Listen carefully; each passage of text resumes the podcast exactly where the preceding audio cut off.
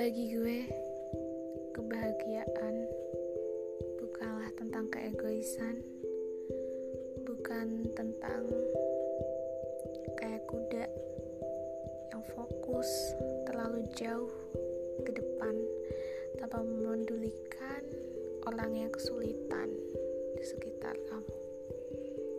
Gue benar-benar bisa bahagia ketika orang-orang yang ada di sekeliling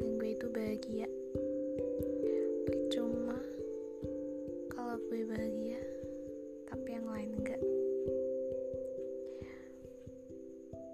Ya itulah gue.